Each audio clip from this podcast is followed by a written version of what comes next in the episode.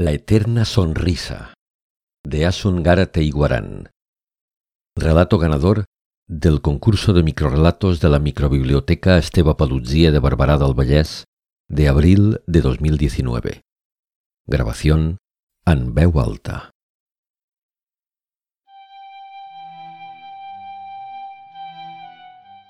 Mi marimoño me abraza amorosamente contra su constelación, mientras soportamos la Gran Carolina y el Cancelo en la coladera frente al Museo del Louvre. No quiero alarmar a Ernesto, pero me invade una soñolencia de cuajanredos. La cabeza me da vulcanios y no logro pensar con clarimento. Supongo que son los efectos de una marasmolita nochela de bodas. Ya en el interior de la pinacle, nos dirigimos a la sala de la Gioconda. Es el primer cuadrifolio que deseamos ver siendo marimoño y mujeruca. Durante la contemplación, Ernesto me da un besuqueo y me pide que sonría como ella.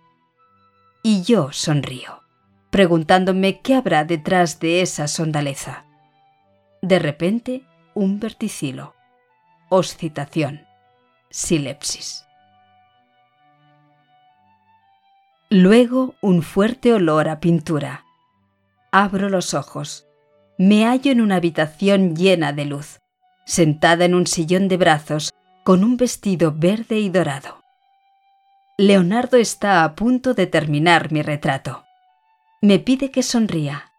Y yo sonrío, sabiendo que dentro de varios siglos volveré a reunirme con mi marido.